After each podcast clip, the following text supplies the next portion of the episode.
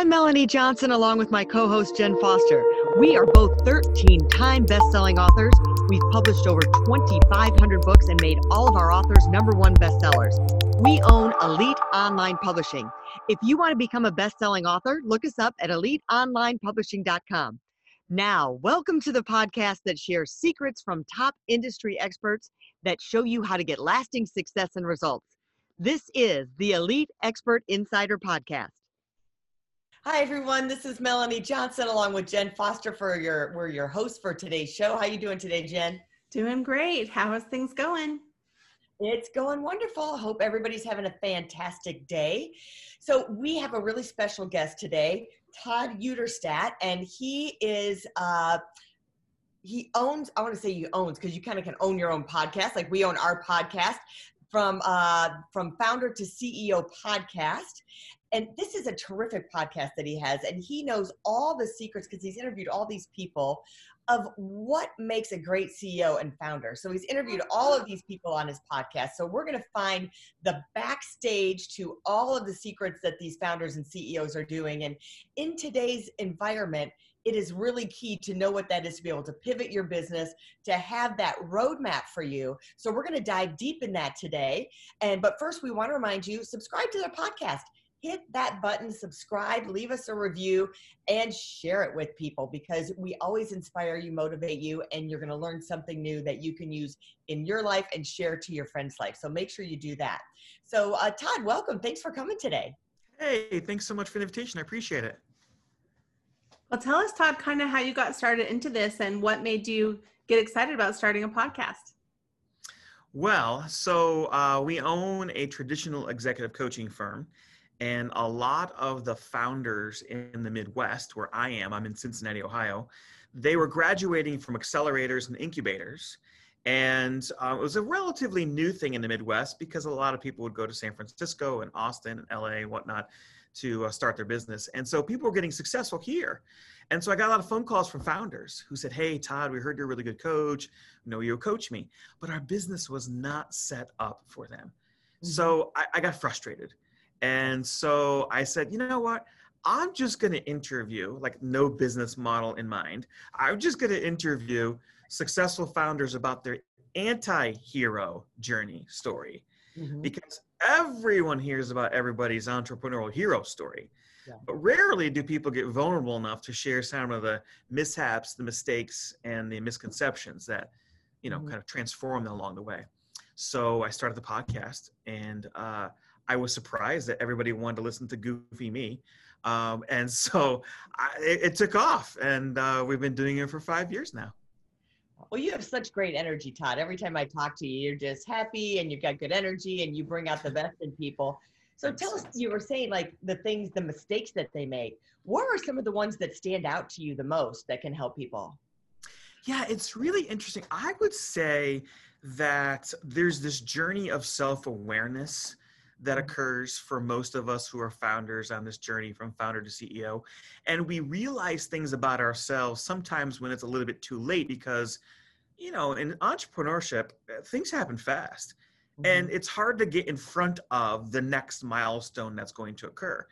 And so, probably not being aware mm-hmm. how our styles, our decision making, um, impacts uh, the business until something happens and we get this insight about ourselves that we can then apply to a next situation. I'll give you an example. I just interviewed um, Heidi Zak. She is the founder, co-founder, and CEO of Third Love, and Third Love is the third largest online place that women across the world buy bras and underwear. And you know, she tells the story about how you know, she just couldn't believe that you couldn't buy half size bras and all sorts of kind of stuff. And she uses data science to be able to help women with their fit finder to be able to determine the exact size, fit, and comfort for women's bras. And, you know, she went on Good Morning America. And she tells a story that their platform was not ready for the intense public relations traffic that sent them away. And so everything crashed their whole site crashed because they built it themselves. So she said to me, it was very interesting. She says, you know, I had to make a decision about whether or not we move from our own platform to, to a place called Shopify, which many of you have probably yeah. heard. Mhm. And she had to make that decision without a lot of consensus building. And a lot of her engineers left. And through that story, she learned not only about what her default influence style is, but also how to bring people along when you have to make decisions where there's not a lot of time to be able to spend um, sorting through things and building consensus. So, you know, she realized these new things about herself um, that she wouldn't have realized had the traffic of Good Morning and being on Good Morning America, her creative director being on there, um, had crashed her site. And so, but by then it was a little too late. So that's the biggest secret is, Yeah. you know, how do you become very self-aware so that you're ready for that next challenge that comes along? And it's hard to do that. Mhm. Wow, that's such a great story. That's and and it helps you to learn every time you're learning from someone else's failure. That's excellent. Absolutely. That's excellent. Yeah, and I, and I think you do have to take the time.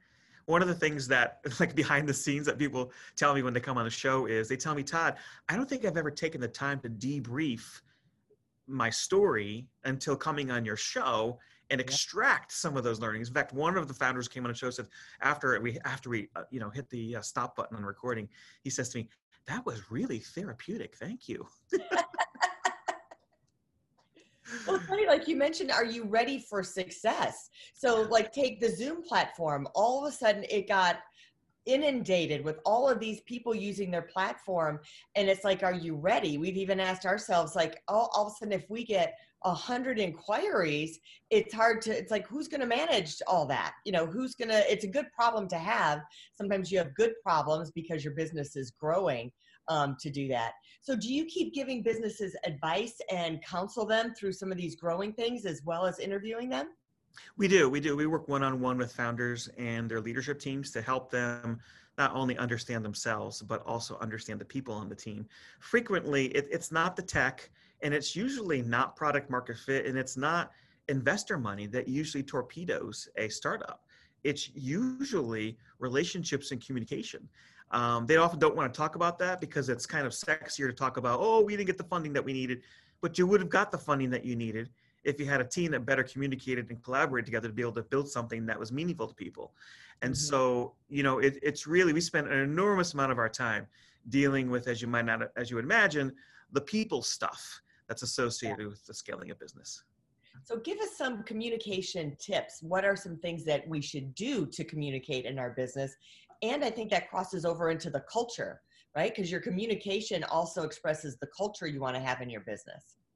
Yeah, it's interesting. Um, I'm an advocate of a tool that we use that kind of um, it's been around for a while, but it flips this whole conversation on its head, and it starts with this concept that each individual has certain interpersonal needs Mhm. and they could be different not only from our needs which is a no-brainer most people might assume that but it might be different than their behavior and Yeah. it causes confusion between their behavior and their actual needs Mhm. and so we teach people hey you need to take the time to figure out what the needs and expectations are of that individual and not necessarily cue on their behavior or their interests because you will miss opportunities to connect with someone and so um, we call that the platinum rule versus the golden rule, because the golden rule says treat other people as you would have them treat you. Right. But what if you have different expectations than the other person, which is frequently the case? So it doesn't work when you apply the golden rule to interpersonal relationships. Um, it certainly applies to the big issues like killing people and stuff like that, right? Um, you don't want that to happen, of course. But um, when it comes to relationships, particularly startups, entrepreneurship, they thrive when trust is high. yeah.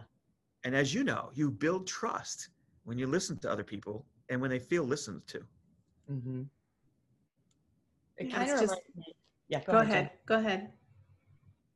it kind of reminds me like of the five languages of love in a way it's like Yes. you know um, you don't you don't want to give necessarily what you need because that might not be what somebody else's really needs when you're doing that and um, being tuned in i think both are are applicable treat people as you want to be treated but also be keen to what they need and it's really hard to do that in a large company i mean if you have 50 employees how do you know to do that if you're having to manage 50 yourself it's Yeah. it's kind of daunting and overwhelming.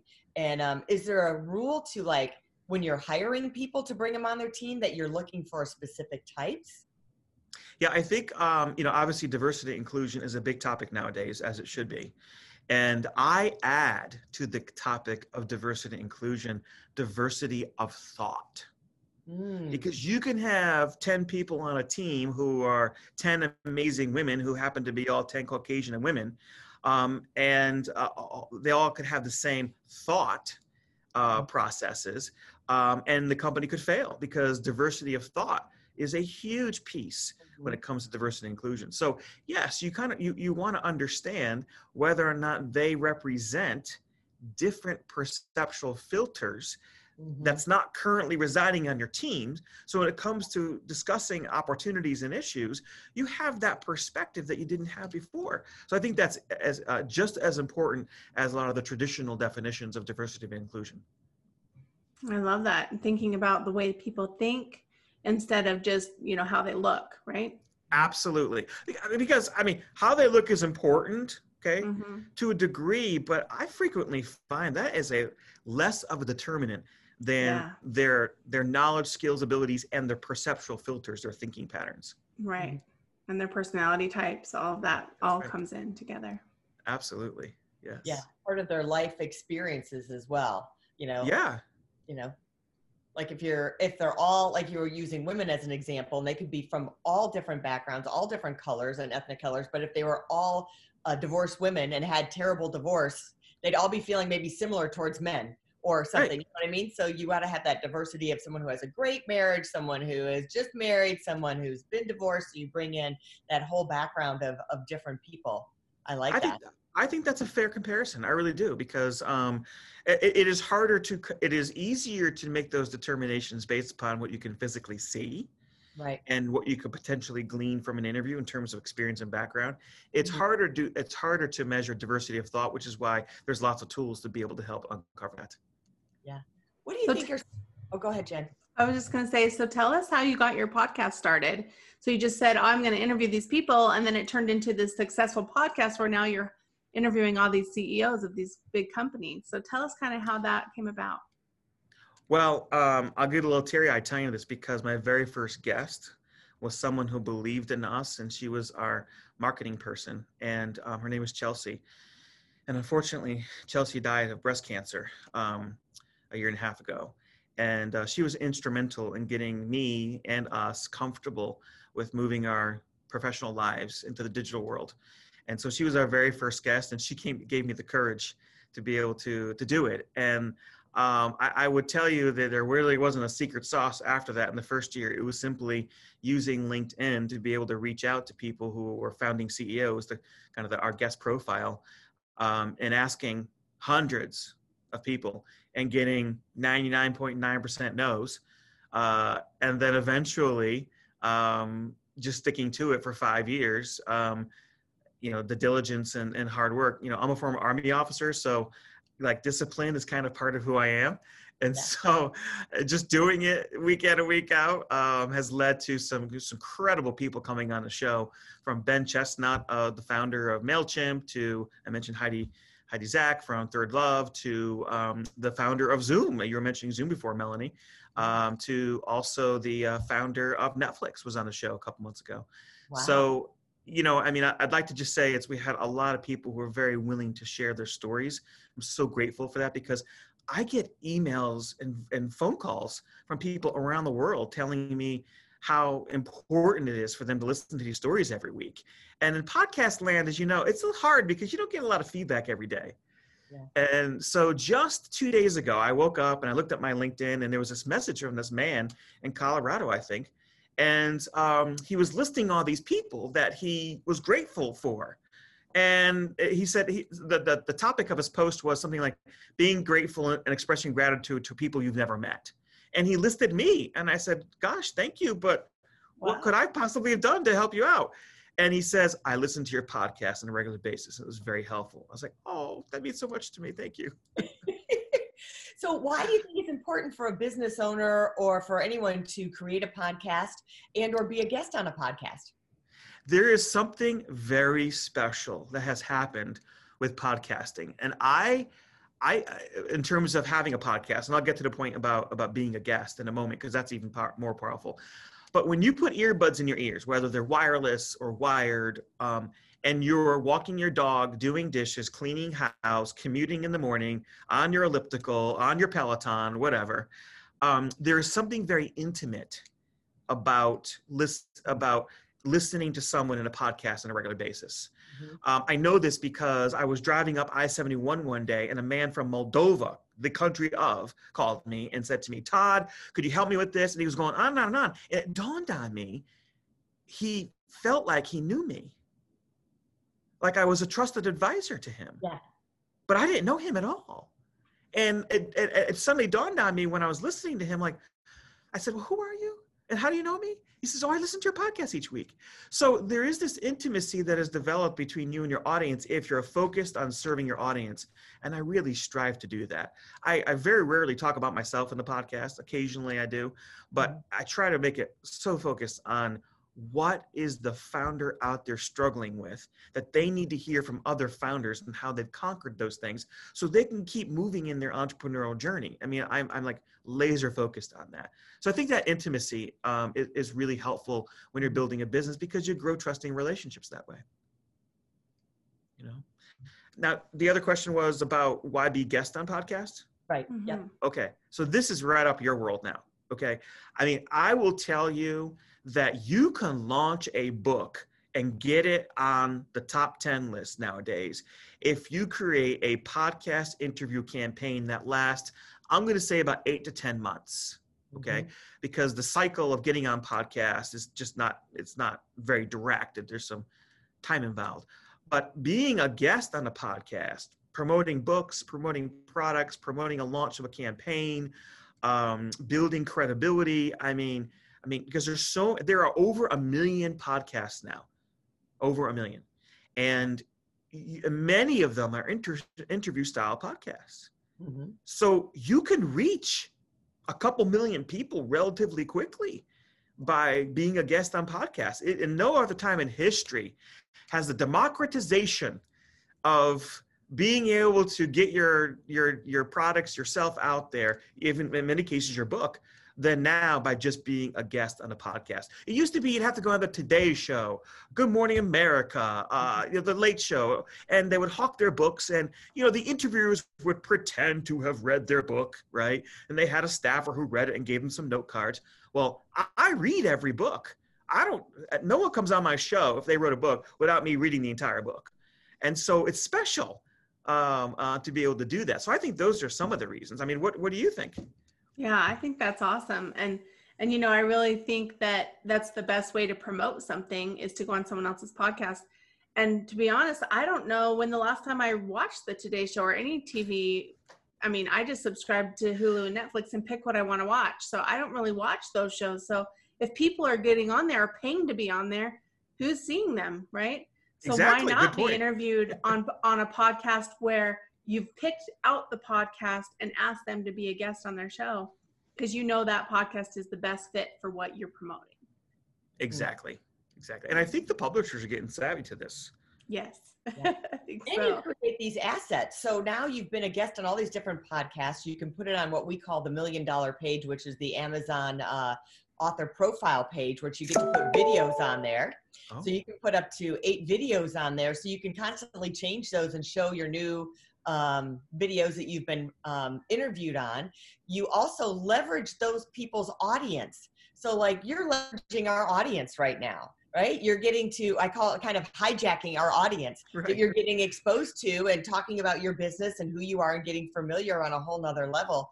And then we have a book called Podcast Authorized where you can turn that interview. So let's say you do 10 interviews, maybe they're all slightly different. You could take those and turn those into a book. Maybe you're talking about your products and services and you don't have a book yet. So you can either have a podcast and turn it into a book or be interviewed on a variety of podcasts and turn that into a book as well. So there's just so many ways that you can leverage the whole thing and the podcast lives forever. I mean, now the, I come from a TV background, owned a couple TV stations, and you know you couldn't leverage that so much but now you know on youtube the tv stations are getting savvy where they're taking their clips and putting it on youtube but they're not on itunes and stitcher radio and spotify right where we can be everywhere so it's it's a whole new market and i think it's brilliant and um, and we're encouraging you to write a book with your podcast because you've got so much great information there that can live to a whole nother audience experiences um, in another format yeah, I love that. You know, it's interesting. I, I, I, we were talking before we started recording this. That I'm really interested in reading your book because behind my head is, um, is uh, Tim Ferriss's book, Tools of Titans, and he did exactly what you just said. He took his podcast interviews and turned it into that book, and it was a really popular book. Um, and so I think you know, repurposing podcasts into a format that some people like to consume better. Not everyone likes mm-hmm. to listen to podcasts. Some people like to read books is a great idea, and I'm looking forward to diving into your book. Yeah, because yeah, like well, earlier, you can highlight a book, right? Yeah. So, like, you can't highlight the podcast. You'd right. Be, so. Well, exactly. tell us you have a free giveaway today for our audience. Yes. Um, you know, we have been working really hard to be able to help founders navigate a lot of the stresses that they've encountered. In the last four or five months, I've just been on the phone and on Zoom nonstop, helping a lot of founders through the COVID 19 and, and being an entrepreneur has been super stressful. So we created a course called Arrest Founder Stress at arrestfounderstress.com, where we teach founders what they can do practically to be mm-hmm. able to reduce some of the stress that they are encountering. And it sounds a little selfish, but it's oftentimes about designing things around them that work for them because founders are the emotional energy behind most startups. And so them take care, taking care of them helps the business. And so we take it, we have a little bit of a counterintuitive way of doing it. So it's a free course at arrestfounderstress.com. Thanks. That's great.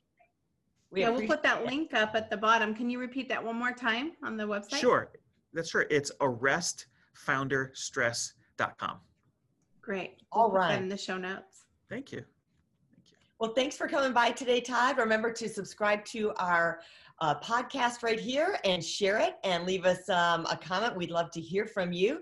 And I hope you got a, got a lot out of this. I think I got a lot. I was writing notes as he was talking. So uh, we'll see you next time. Remember to subscribe and uh, leave us a comment. And if there's something else that you'd like to see on our show or someone you'd like to see, let us know. We'll see you next time. Bye. Hey, are you looking to increase your revenue, build credibility, and elevate your brand? This podcast is brought to you by Elite Online Publishing an innovative publishing and full spectrum marketing company. They will publish and market your book to make it a number one bestseller. Becoming an author is the best way to market your business. So contact them at eliteonlinepublishing.com today. All of their authors become number one bestsellers.